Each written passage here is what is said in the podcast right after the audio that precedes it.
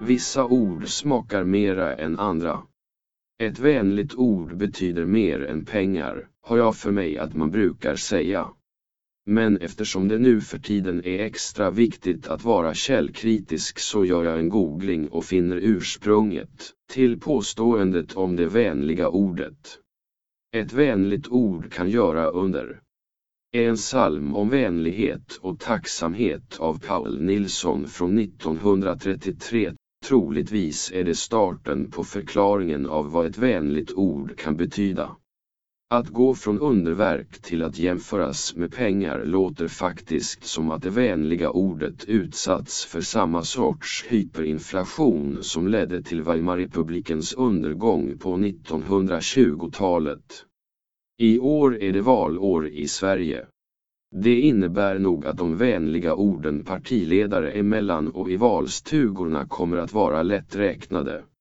Istället färgas den debatt som förs av hat och misstro. Och skälet till detta är att det i vårt demokratiska samhälle finns en möjlighet att genom de fria valen bli den som styr hela vår statsapparat. Men ordet statsapparat som idag är ett vedertaget begrepp användes främst av Karl Marx, som talade om statens förtrycksapparat vilket får mig att fundera på hur det hela går ihop. Kan demokratin även ha en mer okänd baksida? Och kan det i begreppet statsapparat ingå mer eller mindre trevliga uppgifter som undkommer den demokratiska fasadens radar? Är det måhända så att de demokratiska valen är ett slags opium för folket?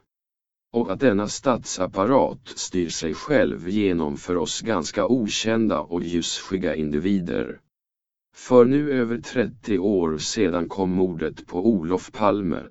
Att förändra mitt och många andras oskuldsfulla sätt att se på Sverige. Och allt eftersom tiden går så vänds sten efter sten i den tidigare så okända statsapparaten.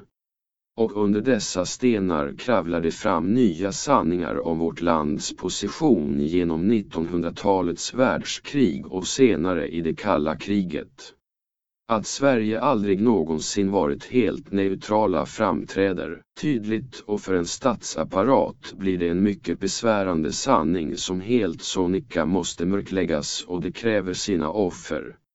I USA myntades begreppet Deep State av författaren och den före detta kongressmedarbetaren Mike Lofgren 2014. Det innebär att han satte fingret på ett lands inofficiella styre.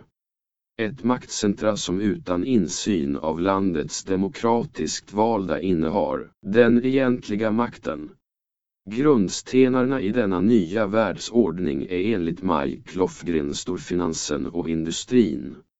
Redan på 1990-talet i Turkiet så blandade militären sig in i drogaffärer och lönnmördare för att svartlista de kurdiska PKK.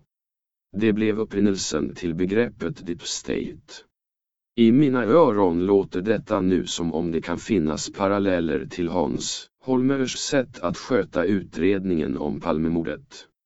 Jag kommer inte att utveckla det resonemanget vidare för det har visat sig att den som kommer lite för nära sanningen lever farligt. Man kan rent statistiskt jämföra sannolikheten att dö i en trafikolycka med de dödsfall som drabbat de sanningssökande i Palmemordet. Och plötsligt inser man att det i alla fall inte är hälsosamt. 1914 påbörjade Frans Kafka skrivandet av processen. En roman om banktjänstemannen Josef K som blir anklagad för ett brott han aldrig begått och hans absurda väg genom ett anonymt rättssystem fram till sin egen avrättning. Jag har alltid tyckt att denna bok är otäck och har känt ett obehag inför dess existens.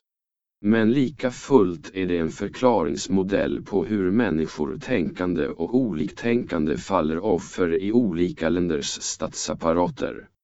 I vårt demokratiska samhälle är det i år valår och vi brottas med det demokratiska dilemmat.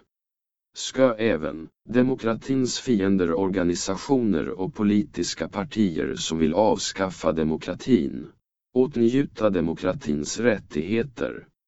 Det är ett problem i sig men att synliggöra de osynliga egentliga makthavarna är nog ett ännu större. Vill och orkar vi verkligen veta sanningen?